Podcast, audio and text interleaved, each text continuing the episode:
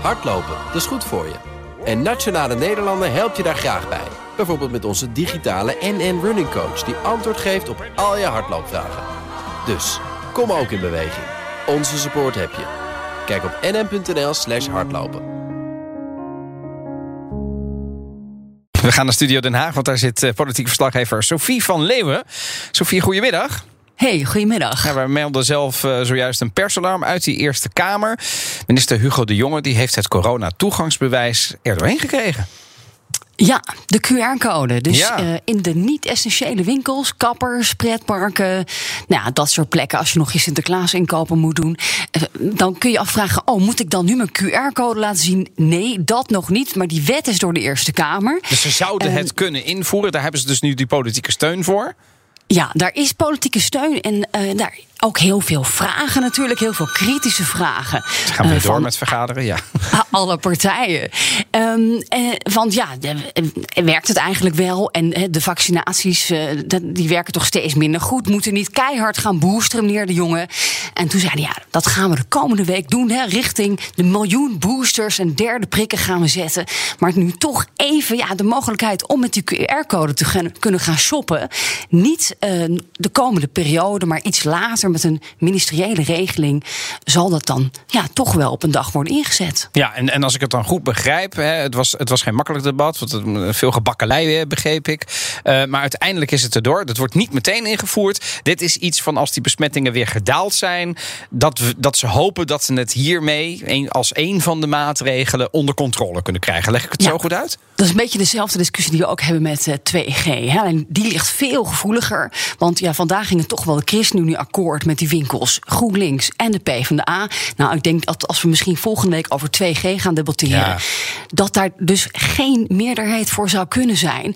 Ja, je kunt je ook afvragen, hè, maar die winkels, die winkels zitten toch al op anderhalf meter ja. afstand met z'n allen. Waarom is dit nu nodig? Je hebt gelijk, op de iets langer termijn wil je die afstand weer loslaten. Dan kun je dus met een QR-code ja, die winkels in. Dat is nu uh, wat er uh, voor ligt en waar de Eerste Kamer mee akkoord is gegaan. Oké, nou tot zover zeg maar de, de, de, het corona-toegangsbewijs. Dan was er een verrassing van de dag. Forum voor Democratie, fractievoorzitter in de Eerste Kamer, die blijkt gevaccineerd. Nou gaat dat ons normaal geen ene moer aan, maar het was een topic hè vandaag. Ja, dat was wel even een, een klein relletje. Uh, Paul Frentrop, dat is een iets ouder uh, ja, senator van Forum voor Democratie. Die zegt, ja, het is niet verstandig om naar het medisch advies te luisteren van je partijleider. In zijn geval dus, nou, Thierry Baudet van FVD. En uh, dat is een beetje pijnlijk natuurlijk dat, dat hij dan niet wel gevaccineerd is, deze meneer. Hij werd ondervraagd door een, een oude vriend van Forum. Ook een beetje pesterig natuurlijk, Henk Otte. In achtneming met alles wat uw partij de hele dag dag uh, naar buiten strooit over vooral uh, niet vaccineren. Bent u zelf gevaccineerd? Uh, nou, dat is een interessante, niet, uh, niet politieke vraag. Uh, nee, maar ik u mag hem beantwoorden, maar u hoeft het niet te beantwoorden. Ik wil, wil hem graag beantwoorden. Ja, ik ben, ik ben gevaccineerd. Ik vind het verstandig om dat te doen, mede gezien mijn, mijn gewicht, kan ik erbij zeggen. Ja, ja dat, dat, die conclusie deel ik. Maar ehm, dan, volg ik, dan volgt hier dus uit dat u het, het dringende advies van uw partijleider niet opgevolgd heeft, concludeer ik, voorzitter. Nou, Mag ik daar ook nog iets op zeggen, voorzitter? Want uh, ik, ben, ik denk dat geen enkele leider... Kijk, we hebben bij D66 hebben we een erkend medicus uh, hier als woordvoerder. Maar voor de rest zou ik het afraden om medische advies te volgen... voor welke partijleider dan ook. Ja, al dus, dus de leider van FVD in de Eerste Kamer. Ze zijn allebei een beetje van zwaar gewicht. Otte ook en Frentrop. Dus ja, waarschijnlijk heeft een huisarts gezegd... u moet toch die prik laten zetten, want dat is echt veel beter voor uw gezondheid. Ja, een beetje pijnlijk, maar voor Baudet, maar ook wel een beetje flauw natuurlijk. Ja. Dit werd nieuws vandaag. Ja, ja. Nee, ja nou ja, de, de Otte die, die, die, die rookt natuurlijk dat hij hier iets, uh, iets, iets, iets had. En waarschijnlijk wist hij het ook natuurlijk. Ja, um, dat denk ik. Dan even door naar serieuzer nieuws natuurlijk. Het kabinet sluit een kolencentrale. En ik dacht toch de hele tijd we hebben toch te maken met een demissionaire status? Ja, er waren ook complimenten van de CDA-Kamerlid Bontenbal. Die zegt, nou wat mooi dat dit uh, demissionaire kabinet toch klimaatbeleid viert. Dus ja, dat is dus nu besloten, demissionair. Maar ja, het kabinet moet natuurlijk de agenda-doelen halen. En was al lang aan het onderhandelen met Riverstone, dus de eigenaar van die uh, kolencentrale in Rotterdam. En nu dus uh, een zak geld hebben ze afgesproken. 200 miljoen euro, iets meer. Uh, over twee jaar stoppen met kolen. Uh, binnen drie jaar ontmantelen. Dat betekent dus nog niet dat we vandaag al uh, klimaatwinst hebben. Dat gaat nog even duren. Maar goed, de Tweede Kamer is er blij mee. Ook PvdA-Kamerlid Joris Thijs, weet je wel, die ex-Greenpeace-directeur. Oh, ja. Die was er op zich wel blij mee. Maar ze maken zich nog wel een beetje zorgen over het sociale plan. Want het personeel, ja, dat moet dan een andere baan. Mm -hmm. En krijgen ze dan extra geld erbij. En de Europese Commissie moet dit nog goedkeuren, want dit kan staatssteun zijn. Dus daar moeten we nog even scherp op letten. Mag dit eigenlijk wel, wat hier gebeurt? Staatssteun op het moment dat het kabinet zeg maar, dat, dat, dat, dat, dat afkoopt. Ja, dus die 200 miljoen, miljoen. euro ja. is een heel groot bedrag. Zeker. Nou ja, aan de andere kant, we hebben ook de Green Deal. Dus misschien denken ze in Brussel ook, weet je wat? Hartstikke fijn dat je die kolencentrale ja. uitkoopt. Uh, en bovendien, er staan er nog een paar in Nederland. En uh, ja, daar moeten ze ook nog mee aan de slag voor ja. 2030. Maar dat lijkt me toch, ik bedoel, we moeten, het wordt hopelijk niet zo Kafkaans, uh, Meindert en Sofie, dat we straks, dan gaat de regering in Nederland de, luisteren naar de rechter in het kader van de agenda. Dan doen ze dit. Dan gaat de Europese Commissie straks zeggen: nee, nee, nee, nee. Maar dat is staatssteun, dus dan mag het niet. Ik hoop het niet. Maar goed. Nee, maar volgens mij is daar ook ruimte goed. voor, toch? Ja, er wordt heel, heel, goed te praten met de Europese Commissie. Ja. Ook als het gaat om die steunpakketten. Weet je nog, laatst de TVL, ja. hè, de steun voor de vaste lasten. Kon ook opeens fors omhoog naar 2,3 uh, miljoen per bedrijf. Dus de Europese Commissie is heel aardig voor de lidstaten op dit moment. Ze laten de regels los, de begrotingsregels. Alles wordt losgelaten. Uh, ja, zolang wij maar stappen maken. Ja, de Tweede Kamer heeft uh, dreigmail ontvangen, Tweede Kamerleden. Wat is er aan de hand?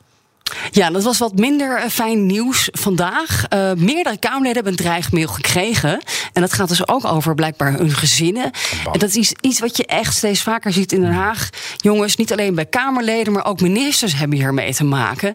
Uh, dit keer gaat het over, ja, misschien ook de afgelopen tijd al, het, het coronabeleid. Daar worden ze echt persoonlijk op aangevallen.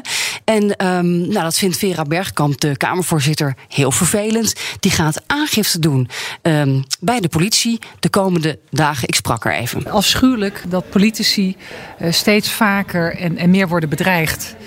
Uh, bedreigingen zijn niet normaal. Iedereen moet zijn werk gewoon in alle vrijheid en veiligheid kunnen doen. Ik zou ook een oproep willen doen richting mensen van als je nou zo'n mail stuurt, sociale media is vaak ook een aanjager. Denk er echt over na. Bedreigen is niet normaal. Uh, ik vind wel goed uh, dat er ook steeds vaker aangifte ook plaatsvindt. Ik heb op mijn bureau ook een aangifte liggen. Het is een dreigmail gestuurd naar meerdere Kamerleden. En uh, nou ja, namens een aantal van die Kamerleden ga ik ook deze week aangifte doen. Het is natuurlijk te zot voor woorden dat je dat moet doen. Uh, die dreigmail is wel corona gerelateerd. Dus je ziet wel, dat merken we ook, ja, dat er toch ook wel een, soort verharding ook op sociale media uh, plaatsvindt. Die toch wel gerelateerd is ook aan nou ja, de ontwikkeling van corona. Maar ik heb er zelf niet een, een, een eigen studie van gemaakt. Maar nou, een dreigmail is gewoon, uh, is, is, gewoon vreselijk. is gewoon op de persoon. Echt gericht om mensen bang te maken. Dat is een dreigmail. Je hebt natuurlijk, je mag, we zijn een democratisch centrum hier, dus je mag van, van mening verschillen. Dat is mooi. ik krijg ook heel veel hele goede inhoudelijke mailtjes, dus er is niks mis mee.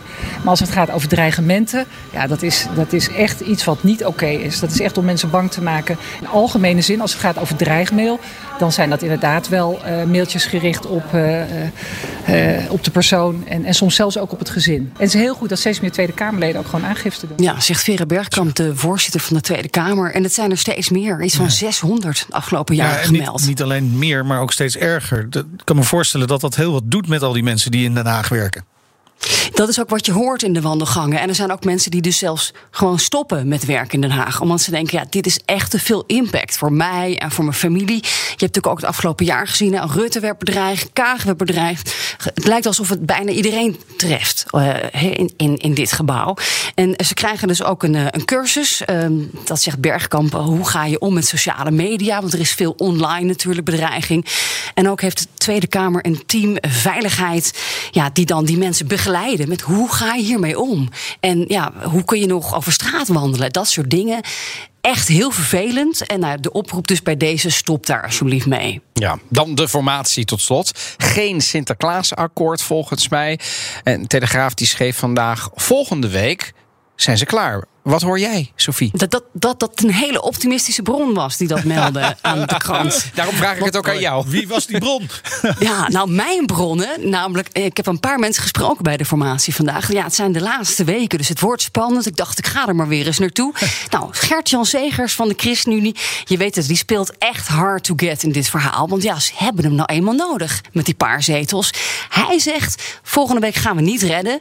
We hebben echt een hele pittige fase nu. Gaat over heel veel geld. Uiteraard medisch-ethisch, misschien ook wel 2G en uh, voltooid leven. Nou, hoor uh, even, ik heb hem gesproken en nog een paar anderen erbij. Dat lijkt me optimistisch.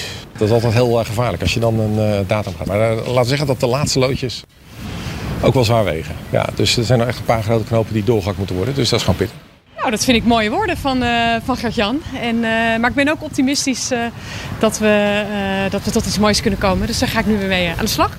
Ja, weet u, er staat van alles in de krant. En soms zijn dat dingen die heel verstandig zijn. Soms zijn dat dingen die echt niet kloppen. En volgens mij helpt het niet als ik daar, hoe interessant ook, daar nu vanaf hier over speculeer. U, u moet het doen met algemeenheden. Meer heb ik niet in de, in, in, in de zak. Ja, in de krant wordt een heleboel geschreven. Maar wij zijn hier nog aan het werk. Dus ik ga mij aan geen enkele deadline vastpinnen nu. Wat erg, het is bijna Sinterklaas. Geen enkele deadline, zegt Sophie Hermans van de VVD, nummer 2. Je ook Bobke Hoekstra. Die zegt eigenlijk, het klopt niet. Dus ik gok dat het de week erna wordt. Dat is de week volgens mij dat we ook een persconferentie hebben. Dat misschien Nederland dicht blijft. En dan vlak voor kerstmis een debat in de Tweede Kamer over het coalitieakkoord. Dat is volgens mij hoe het er nu uitziet. Ja, dat, dat, dat, laatste is heel positief. Maar ophouden met die speculaties over alles dicht hoor, Sophie. We oh, blijven ja, positief. het gaat goed met het virus, toch? Ja, nou ja. ja. Daar ga ik niet over. Dankjewel, Sophie. Business Booster. Hey ondernemer, KPN heeft nu Business Boosters. Deals die jouw bedrijf echt vooruit helpen. Zoals nu, zakelijk tv en internet, inclusief narrowcasting... de eerste 9 maanden voor maar 30 euro per maand. Beleef het EK samen met je klanten in de hoogste kwaliteit. Kijk op kpn.com businessbooster. Business Booster.